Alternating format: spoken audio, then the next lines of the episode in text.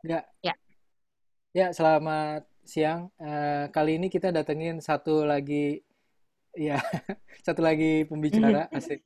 Namanya Adinda Falah. Ya, ya, ya, Adinda ya. Adinda, asik. Nah, panggilannya siapa? Ya, Falah. Falah. salah. Falah atau Adinda. Oke. Dia profesi, ku kenalin dikit, dia profesinya dokter ya, kalau nggak salah ya. Dokter, aktivis, nggak, ya masih benar, masih benar.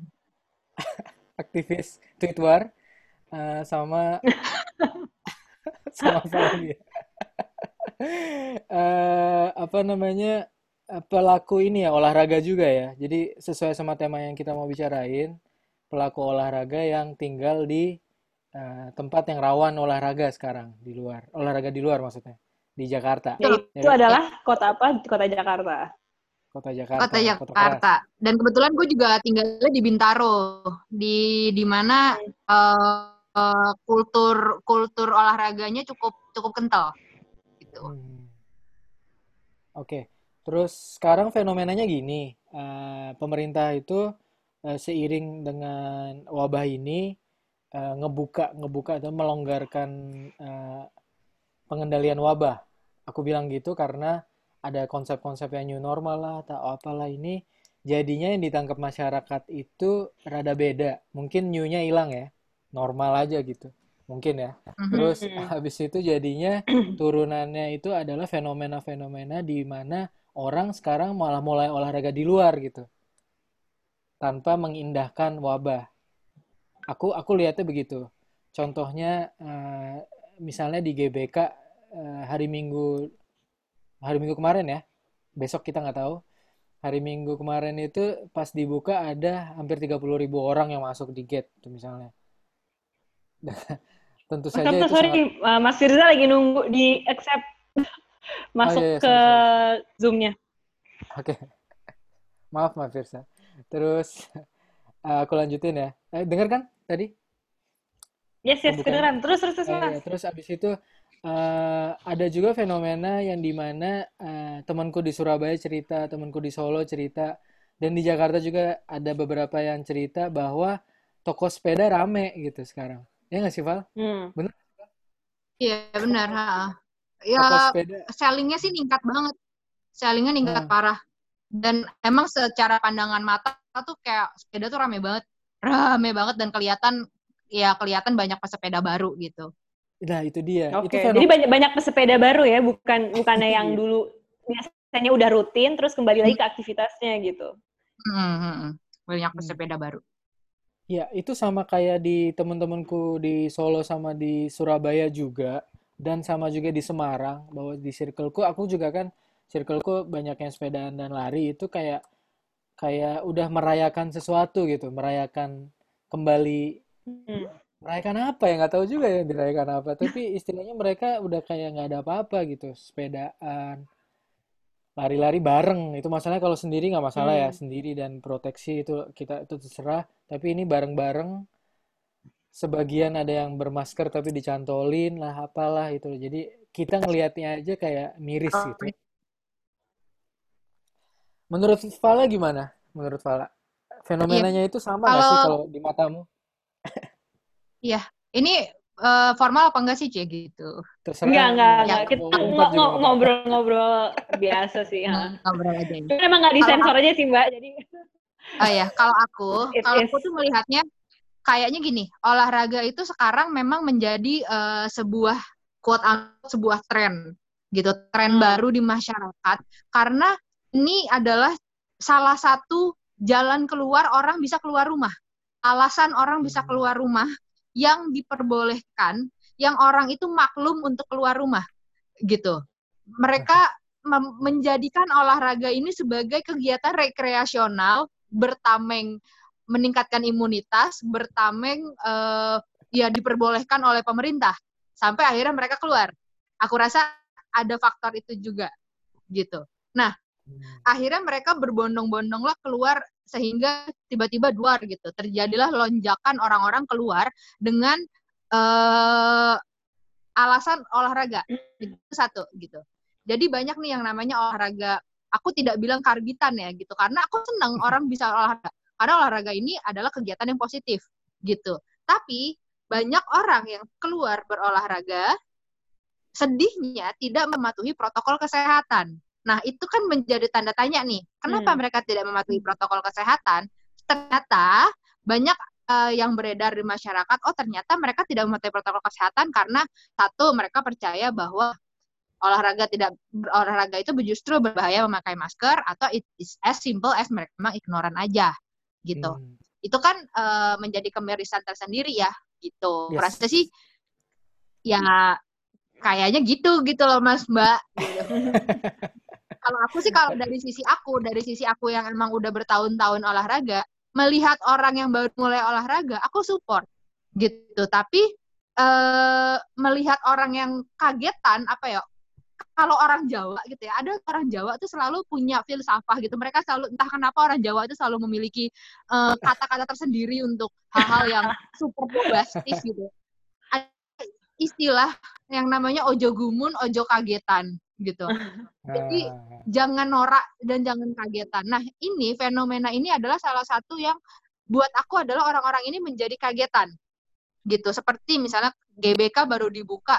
Orang kok tiba-tiba berbondong-bondong lah mereka ke sana. Padahal kan ya GBK juga toh masih panjang dibukanya dan ketika mereka Iya, tidak ke GBK pun mereka tidak apa-apa sebenarnya. Gitu. Itu harusnya menjadi menjadi koreksi juga buat apa mereka ke GBK? Apakah untuk konten Instagram? Apakah untuk mencari sehat? Karena toh sebenarnya lari di, di GBK dengan lari di sekitar rumah sama manfaatnya kan? toh sama Iya. gitu. Atau atau kita juga mesti berpikir ulang, oh ternyata mungkin sekitar rumahnya tidak adekuat, misalnya tidak mumpuni lingkungannya untuk berlari. Ya udah, Hmm. mungkin dia bisa mencari komplek rumah yang lebih aman dibanding GBK. Misalnya seperti itu gitu. Ya kalau aku sih aku sih melihat ini mungkin sistemik kali ya Mas ya Iya, gitu. iya, iya. Kegemesan-kegemesan yang sistemik gitu. Udah nggak tahu mesti di, dirunut-runutnya tuh udah dari mana gitu. Iya sih ya benar-benar. Dan masalah-masalah lain tuh kita bisa eh, ngelihat gitu, muncul di permukaan kayak ternyata dengan wabah ini kita nyadar gitu bahwa eh, public space tuh di di Jakarta misalnya itu sangat minim gitu kan. Jadinya kenapa numpuknya di Hmm, GBK yes, itu yes. misalnya. Ya kayak kayak Vala tadi bilang soal itu. Terus ya itu ya gumunan itu ya jadi kultur ya, kultur kultur dari masyarakat yang eh, apa mencari excuse atau mencari alasan untuk rekreasional itu sebagai olahraga dengan eh, bias dengan bias apa bias kompensasi ya istilahnya. Jadi seolah-olah olahraga adalah ningkatin imun, tapi lupa kalau eh, itu bukan eh, syarat satu-satunya untuk ini kan menanggulangi wabah gitu. Lu ngelupain pakai masker, Dan ngelupain lonjakan ya. Dan lonjakannya itu ada gitu. Aku sebagai pelaku olahraga yang sudah bertahun-tahun berolahraga di tempat yang sama selalu karena aku tuh males olahraga di tempat lain. Jadi tempat Yes, olahraga yes. itu selalu di situ-situ aja. Itu aku sangat melihat banyak sekali orang baru Ya, gitu karena orangnya pernah lihat aja. sebelumnya ya? yang aku nggak pernah lihat dan itu lonjakannya gede banget yang aku bahkan sampai oke gue harus cari tempat baru karena it's too dangerous for me untuk olahraga Yes, di yes, tempat itu gitu loh. Karena ngeri itu mereka nggak mematuhi protokol kesehatan mereka berkerumun mereka duduk-duduk mereka makan mereka piknik gitu. I don't know. Di sini udah ini sih, kita sepakat sih sebenarnya kalau soal pakai masker itu sangat wajib gitu kan. Eh, udah nggak usah didebatin lagi. Dan eh, kemarin ada berita-berita soal kalau pakai masker, hypercapnia, jadinya eh, orang bisa meninggal gitu kan. Ada ada berita-berita kayak gitu. Kayak kayaknya udah banyak yang bahas juga. Tapi kita pengen bahas yang sisi lain sih sebenarnya. Hmm. Eh, Mas Firsa ada yang mau namain Mas? Mas Firsa Iya, misalnya orang awam gitu ya. Ya anggap aja begitu. Gimana Hmm. Mas? Yang nggak olahraga kan? Ya, Sekarang sorry. Aku agak telat tadi ada urusan dom- do- domestik. Asik. Halo, selamat kenal, Dok Fala. bye Ya, em, aku cukup banyak menyimak peperangan yang terjadi di Twitternya Dr. Fala. Iya, iya, iya. Aku ada di pihak kamu kok. Eh, tapi dari, dari dari cara mereka berperang melawan dirimu, aku melihat sudut pandang mereka itu eh, unik dan kita yang punya background apa namanya pemahaman lebih tinggi, mungkin ya harus sabar edukasi kayak dokter Fala ini sih. Edukasi yang cadas ya maksud, maksud aku ya. Nah, sudut pandang yang menarik ini adalah karena ini bahkan terjadi di kompleknya saya juga nih sekarang apa? eh jadi dibawa ke arah dangkal bahwa seolah-olah tuh kalau sudah olahraga itu 90% imun dan sehat gitu. Itu sih. Itu terus eh, akhirnya protokolnya di, dilanggar kan. Protokolnya dilanggar. Eh, di saya ini bapak-bapak tiap sore ini eh, lari bareng lari bareng jarak satu meter, habis itu badminton, pingpong gitu, habis itu tos gitu loh. Habis itu kumpul-kumpul gitu, iya iya iya iya. Dan itu padahal kalau dilihat bahwa bapak ini back, backgroundnya background ini background Iya, tanda kutip ada lah ya. lah ya. Ah, Iya, iya, Iya, iya. dan ya comorbid sama kondisi itu comorbid dan dia termasuk orang yang udah sarjana dan orang Hmm. sukses lah, uh, udah punya anak, mobilnya bagus-bagus gitu loh. Nah, sayangnya sih aku aku sisi sosial ya. Uh, pemahaman itu sama itu sayangnya sekali orang-orang middle class sama orang yang well educated itu pemahamannya tuh dangkal gitu loh. Gimana tuh dok? Gimana kita cara memera- memerangi itu? Iya. Kayak Fala, Fala Eh, ngerasa kalau- di grup sepedanya Fala juga ada kan yang grup sepeda atau grup Ada. ada ada yang ignoran kan Kalau misalnya aku, masih masih iya masih Iya ada keluar. ada ignoran gitu ya. Hmm. ada bang. Kalau aku awalnya, iya pandemi ini pada akhirnya ini agak sedikit agak sedikit mengguncang mengguncang nurani aku gitu.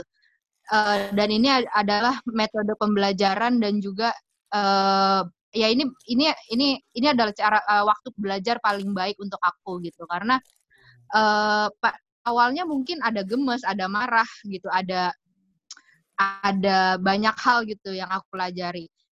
Awalnya mungkin aku marah, awalnya aku mungkin merasa bahwa kok orang begini aja ini common sense loh, ini ini bukan rocket science loh, kok orang nggak paham ya, lo harusnya Iya. bisa mengerti loh, lo harusnya bisa ini.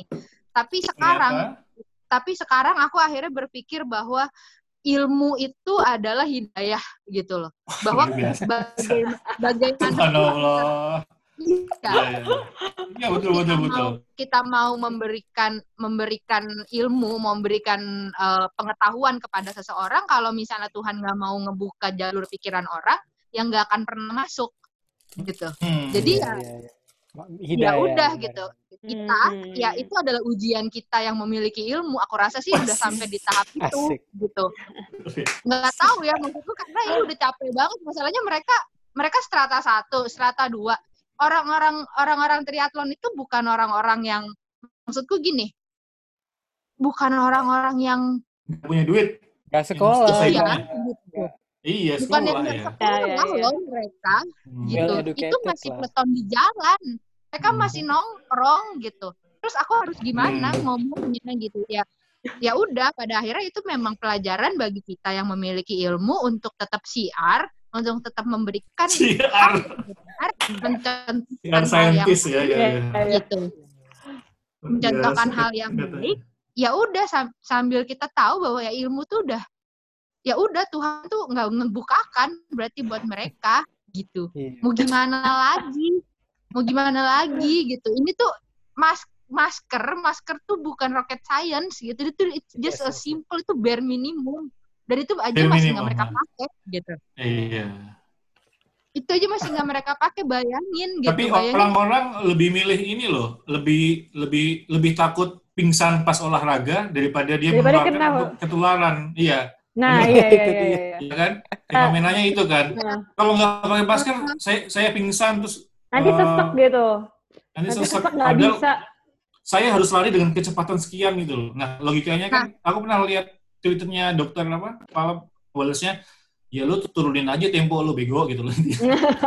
masyarakat masyarakat kita ini kan adalah orang yang terdidik dengan uh, listening dan juga reading comprehension yang darurat Hmm. gitu. Yes, Jadi kadang mereka uh, apalagi dengan era post truth mereka hanya membaca apa yang mereka mau terima Hmm. gitu.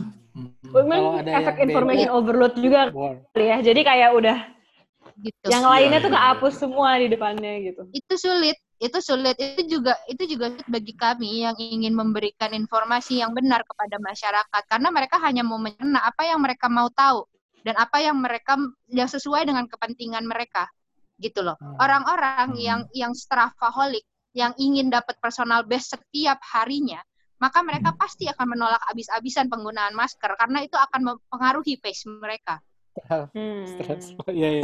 Aku paham banget, paham banget. Pace lebih pen- pace lebih penting daripada ini ya uh, Daripada virus ya. yang lain. Ya, Iya. iya, iya. iya biasa. itu penting buat mereka. Ini baru urusan olahraga. Kedua, penggunaan masker untuk orang misalnya untuk orang-orang yang eh, konten freak gitu ya, mereka pasti akan berat melakukan itu. Kenapa? Karena mereka pasti Konten nggak akan bisa secara maksimal. Iya. Mau gimana Iya. urusan depannya untuk cari uang gitu loh. Ini baru urusan yang kayak itu gitu loh. Itu ya ya ya kita harus kadang kita harus berpikir di sepatunya mereka, tapi kita nggak bisa untuk terus-terusan memaklumi hal yang salah kan gitu. Ya, Ya. gitu.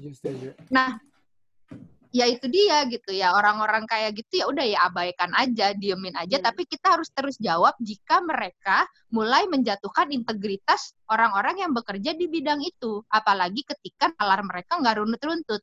Apa Hmm. orang-orang kayak gitu kadang logikanya itu gitu. Iya, iya, Iya, kayak iya, iya. Ketika untuk orang yang menyampaikan kan. argumen Ah, dengan logika nggak runtut-runtut, ya udah jawabin aja gitu. Iya. Aku sih gitu. Nggak tahu ya kalau Om Kamil dia kan sabar. Kalau aku kan kurang. Tapi kamu hebat sih, Mbak, bisa se, se sekuat itu gitu. aku tuh kurang Sabar itu juga sebenarnya. gitu. Orang Indonesia, Iya. orang Indonesia ini kan susah ya karena kita kan membuatnya kan rules first, clause later gitu. Harusnya Iya, kan iya. seperti itu. Sedangkan kalau di luar negeri mungkin bisa kita buat klausul first, eh, rules later gitu. Kalau orang Indonesia Hmm. nggak bisa. Kita itu harus rules-nya duluan, baru penyesuaiannya belakangan gitu. Hmm. Sedangkan video-video viral yang kemarin beredar itu dibalik. Makanya orang Iya. Indonesia menerimanya tuh klausulnya dulu. Nangkepnya nggak utuh. Jadi ya. logika logika peraturannya kira nggak nyangkut ya malahan. Iya, Filos- logika peraturannya filosofi hanya peraturannya iya nggak dapet. Hmm. gitu. Hmm. Nah, ada juga nih eh, sa- salah satu kesalahan kedua adalah ini dibuat adalah untuk public policy gitu. Jadi kalau misalnya logikanya mau dimasukin ke atlet, ya atlet itu nggak masuk kepada public policy, mungkin mereka memiliki kebijakan lain karena mereka punya tim dokter tersendiri, mereka Hmm. punya tempat latihan sendiri. Jadi nggak usah dibahas kalau untuk urusan atlet, mereka punya cara tersendiri pasti gitu. Lah kita ini si kematlet-kematlet ini ya ikutin aja public Kematlet. policy gitu. Kematlet. Oke, iya. Ini banget sih, apa aku paham sih, apa ngeselin sih, ngeselin banget ini kondisinya, sumpah. Jadi kayak ada dikotomi sebenarnya di grup-grup eh, lari, grup-grup sepeda. Bahkan aku di grup Jo- oh, sepedaku, Jadi di grup-grup sepeda komunitas udah mulai ada terpecah Aku gitu ya. lah ya, tanda kutip terpecah ya. aku iya. Ya kalau Ah. aku sih mereka ya mereka mau buka masker mau buka apa kalau aku sih nggak aku udah nggak gabung. Kalau aku udah aku Hmm. gue sendiri aja. Tapi di ada kalau aku. grup sepeda ini ku ya dokter spesial banyak teman-teman orto sih Surabaya. Mungkin uh, suaminya suaminya Fala juga orto kan? Itu entah kenapa spesialis orto banyak yang sepedaan aku nggak tahu kenapa. Terus di Surabaya itu kan banyak. Itu tuh ada yang di Samarinda ada yang itu udah pada grup riding tapi ada yang selalu ngingetin sabar ada. Cuma kayak nggak didengerin juga tetap posting di grup kayak ini habis ini loh terus habis nanjak ke mana makan bareng kayak wow dokter-dokter aja seignoran itu. Padahal mereka juga struggle di rumah sakit tahu sendiri gitu loh tapi nggak kayak nggak habis pikir aja mereka yang sudah dikasih well info, apa kenyataan kayak gitu bener nggak dapet hidayah gitu akan wabah ini seru ya kayaknya fenomenanya. kayaknya pandemi ini ya kalau orang nggak sampai ke zen living dan mereka inget Tuhan kayaknya nggak ada. Kayaknya emang rebahan doang deh. Seru ya karena seru, gue yang biasa. paling tidak religius sekalipun gue jadi agak-agak Tuhan tuh maunya apa ya sebenarnya gitu. Even gue gitu. Oke Val. Terus ini cuma urusan olahraga loh yes yes apa namanya? eh, Muti ada ini lagi. Dari Kalau segi kalau di sisi aku, aku lebih ke mind blown. Jadi aku tuh tipe orang yang bener-bener nahan. Aku itu sukanya eh, baca buku, nonton TV. Jadi aku kehidupan di rumah eh, terkungkung berbulan-bulan ini sangat amat nyaman untuk Iya. itu menyenangkan untuk orang introvert kayak aku. Kalau misalnya olahraga pun itu aku yoga di rumah. Jadi bener-bener tidak meng- keluar dari rumah. Jadi aku baru tahu oh gitu ya gitu. Maksudnya secara internal orang-orang yang penggiat olahraga pun di grup-grupnya sampai ada perbedaan dan dikotomi itu. Aku cuma melihatnya kan dari foto-foto aja ya. Kayak di Gor tiba-tiba rame banget. Minggu ini teman aku ngepost masih tetap rame juga walaupun nggak serame minggu lalu ya, nggak sampai ngantri-ngantri gitu. Tapi tetap segitunya dan eh, aku mau nanya masker dong yang masalah masker itu bikin sesek atau enggak. Jadi intinya rules-nya yang sebenarnya saklek tuh apa? Semuanya harus eh, percaya bahwa masker itu wajib dipakai apa pun kondisinya. Iya nggak? Iya, kalau sebenarnya kalau kalau gue sebagai praktisi medis dan penyuka olahraga kematlet-kematlet ini gitu ya, melihat kondisi iya, melihat kondisi Indonesia, Jakarta dan Bintaro lebih tepatnya, kita nggak bisa melepas masker Hmm. gitu loh. Karena eh, satu eh habit orang Indonesia itu olahraga itu adalah berkumpul. kita tuh berombol, bergerombol, seneng-seneng ngobrol, kelarnya jajan cilok. Iya, gorengan. Jadi olahraga itu adalah cara sosialisasi, cara kita untuk berkumpul dan Hmm. eh, memenuhi kebutuhan kita untuk bersosialisasi, gitu loh. Hmm. Dan kita tuh menjalankannya di ruang publik. Ruang publik kita itu tidak cukup besar untuk memenuhi kita semua untuk berolahraga. Jadi masker itu merupakan hal yang wajib. Masker Hmm, di atas yes, yes. olahraga sebenarnya kebutuhannya. Yes, yes, yes. secapek-capeknya saya untuk untuk berkata bahwa olahraga itu butuh masker, sebenarnya masker itu dibutuhkan untuk semua aktivitas. Gitu. Hmm. Jadi bukan hanya tentang olahraga, kapan masker bisa dilepas, Beyond. apa Hmm. kapan kapan aman, kapan apa, itu dari semua aktivitas. Gitu loh. Jadi orang suka nanya kan, "Dok, jadi kapan dong kalau misalnya eh, pas lari kapan masker aman dilepas?" Hmm. saya suka bilang mau lagi olahraga kek mau lagi di mana-mana kek mau lagi kita ngantri apa mau kita lagi di eh, nggak lagi olahraga. Masker aman dilepas ketika lagi nggak ada orang. Jadi bukan hanya tentang saat olahraga gitu loh. Intinya adalah Yes, yes, masker karena Indonesia ini satu padatnya penduduk penduduknya padat gitu loh. Dua orangnya tidak taat tiga OTG-nya di mana-mana Iya. empat tracing Hmm. tidak banyak tesnya tidak luas jadi Hmm. kita nggak punya alasan untuk nggak pakai masker Setuju Hmm. banget. Gitu. Setuju, setuju.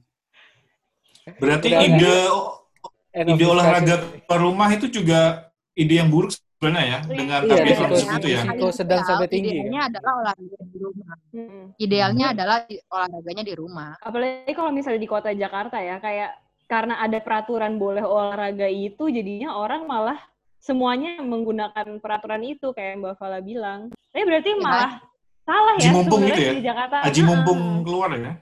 Hmm. oke Mungkin perlu Iya, dievaluasi ya. harusnya kita di rumah aja. Jadi eh, terbaik hal terbaik yang sebenarnya orang bisa lakukan kalau memang mau olahraga adalah tetap olahraga di rumah ya. Mendingan kayak aku ya, berarti rebahan atau misalnya ya yoga aja di Selamat rumah. ya. Kalau nggak bisa lari dan nggak ada sepeda statis gitu. iya olahraga lah di rumah atau cari tempat yang paling aman untuk olahraga oke kok Jam-jam sepi. dan gaul dan gini loh Hmm. gol gol olahraga saat pandemi ini itu tuh bukan personal base kita tuh nggak akan ada event ke Itu, depan itu, itu. Hmm. Olimpiade aja Ya, ditunda oh, setahun Ada kok. event, Mbak. Mbak ada event. Jadi Eh. bulan apa tuh ya? Jadi aku yang Sepeda, aku sepeda. ketemu. Jadi Sepeda. bulan dua bulan lagi ya, Agustus Iya. ya. Agustus Ah. apa Juli? Agustus apa Juli Nggak akan ada event dari satu perusahaan asuransi dia ngadain eh, bersepeda tapi eh, pokoknya dilakukan orang masing-masing tapi nggak berkerumunan. Oh, Itu virtual, membuat virtual. orang sebenarnya jadi pengen. Yes, virtual. Menurut aku sih itu nggak sama nggak bagusnya ya, karena kan orang jadi keluar dan berpartisipasi dalam acara itu gitu. Padahal sebenarnya sama aja membuat orang keluar, resikonya tetap naik. Nggak mungkin juga mereka benar-benar ngelakuinnya sendiri-sendiri gitu menurut aku dalam lapangannya. Jadi Iya, aku iya, curiganya iya. malah karena olahraga circle dibiarin sih. boleh, ya, lama eh lama-lama malah jadi orang event-event pun lama-lama juga jadi ada gitu loh. Bahayanya. Kayak virtual ya virtual virtual event sama kayak like that ya Ah. Ya itu dia. Kalau aku sih iya. tetap ya maksudnya eh dalam pandemi ini, dalam pandemi ini tujuan kita olahraga itu adalah meningkatkan imunitas gitu loh. Hmm. Jadi nggak usah mikirin personal base dulu, nggak usah mikirin apa-apa dulu gitu loh. Jadi ya udah tingkatin aja imunitas, heart rate zona 1, zona 2 gitu loh. Jadi nggak usah ya lo ambisius-ambisius banget lah mau PES 3, mau average speed 45 gitu, mau ngapain juga lah. Atuh Iya, lah iya. gitu Setuju banget. Maksudku, setuju. Karena karena pakai masker misalnya karena pakai masker jadi nggak bisa dapet PB gitu ya udah tetap pakai masker gitu apalagi kalau rame gitu itu aja Hmm. kalau apalagi misalnya pengen apalagi di personal Jakarta eh, base di ya lu Indonesia harus gitu. bangun lebih pagi setengah lima lu udah bangun lo lari Kadang tuh di di pembenarannya pembenarannya mungkin di skeptik ada sisi skeptiknya juga karena di luar negeri itu kayak gini loh gitu misalnya di luar negeri Hmm, Nah, iya. kondisinya beda, tapi emang beda banget gitu. kan. Misalnya di terdekat Sing Singapura aja emang, emang beda kondisinya. Di Jepang apalagi, di negara New Zealand atau yang udah aman-aman itu apalagi. Itu yang dianggap jadi kayak, oh di sana gini kok aturannya, dikira bisa diterapin di Indonesia gitu. Ya itu ya, jadi kompe, apa bias-biasnya itu ada ya untuk eh, pelaku olahraga. Iya. Walaupun well educated. Eh, sayang ya di situ ya. Mungkin ekspektasinya berarti juga harus dijaga ya setiap orang. Jangan sampai selalu ngerasa bahwa kayak ini tuh kehidupan normal dan kita ekspektasinya kayak normal gitu. Emang lagi wabah ya emang harusnya kita ngelakuin ya kita lagi survival mode. Masa sih survival mode masih pengen personal best tadi. Aku juga baru tahu oh personal best tuh ada ya di di itu yang dikejar kalau pada kehidupan olahraga nih Ah, iya loh. berat Jujur ya. ya. Jujur Padahal ngaruh itu kematlet kayak. kematlet doang. Iya, Kematlet. tapi Hmm. ada ada ada naluri bahwa kita eh, terkompor lah sama eh, waktunya orang lain tuh ada misalnya temen di Strava, oh Iya. dia dia baru olahraga kok 5 kilo bisa berapa menit gitu. Aku ini ya gitu. Ada ada kayak panas-panasan tuh ada, pasti ada kompetitif. Iya. eh, ini ada, tapi itu tergantung orangnya juga. Lah, di masa wabah ini menurut Pala sama nih. Itu harus ditinggalkan kan. Nah, itu yang kadang Iya. susah. Iya. Kadang ternyata Itu nggak pen, beda-beda. saat ini itu nggak penting ya. Ah, ya. Nggak penting. penting. Makanya gue Biar tepat di ya saat tepat. Iya, di saat pandemi ini gue lagi mengerahkan 180 ribu followers gue itu untuk Asik. menggerakkan hashtag normalize PES 10. Pes Pes 10, full. bener. Pes, pes ngobrol. Iya, iya. Iya, iya. Oke, kira-kira Demi gue si lambat ini diterima di masyarakat. keuntunganmu ya. Iya, gue tuh selalu ngambil momentum orangnya. Ya, Iya, Firsa, kamu kan nggak olahraga ya? Hmm? Aku nggak taunya gitu. Kamu pengen olahraga nggak sih? Aku cuma pengen nggak. representasi. Soalnya ini eh, Hmm. toko sepeda tambah rame, toko olahraga kayak eh, jadi rame gitu. Aku tuh sama kayak Tiara. aku tuh kita introvert suka juga kayak kuliner. Kita suka iya. kuliner. Aku tuh kayak nonton kayak Tiara. film. Ah. Pandemi ini tuh malah sangat nyaman gitu loh. Kalau Hmm. kalau olahraga tuh biasanya cuma jog cuma jogging pagi di dekat rumah sepi. Udah itu Iya. doang. Enggak ya, nggak ada nggak ada personal best. Ya, itu itu Tapi doang kalau udah yang keringetan, kalau udah keringetan selesai gitu kan mas? Iya. gitu. Atau Iya.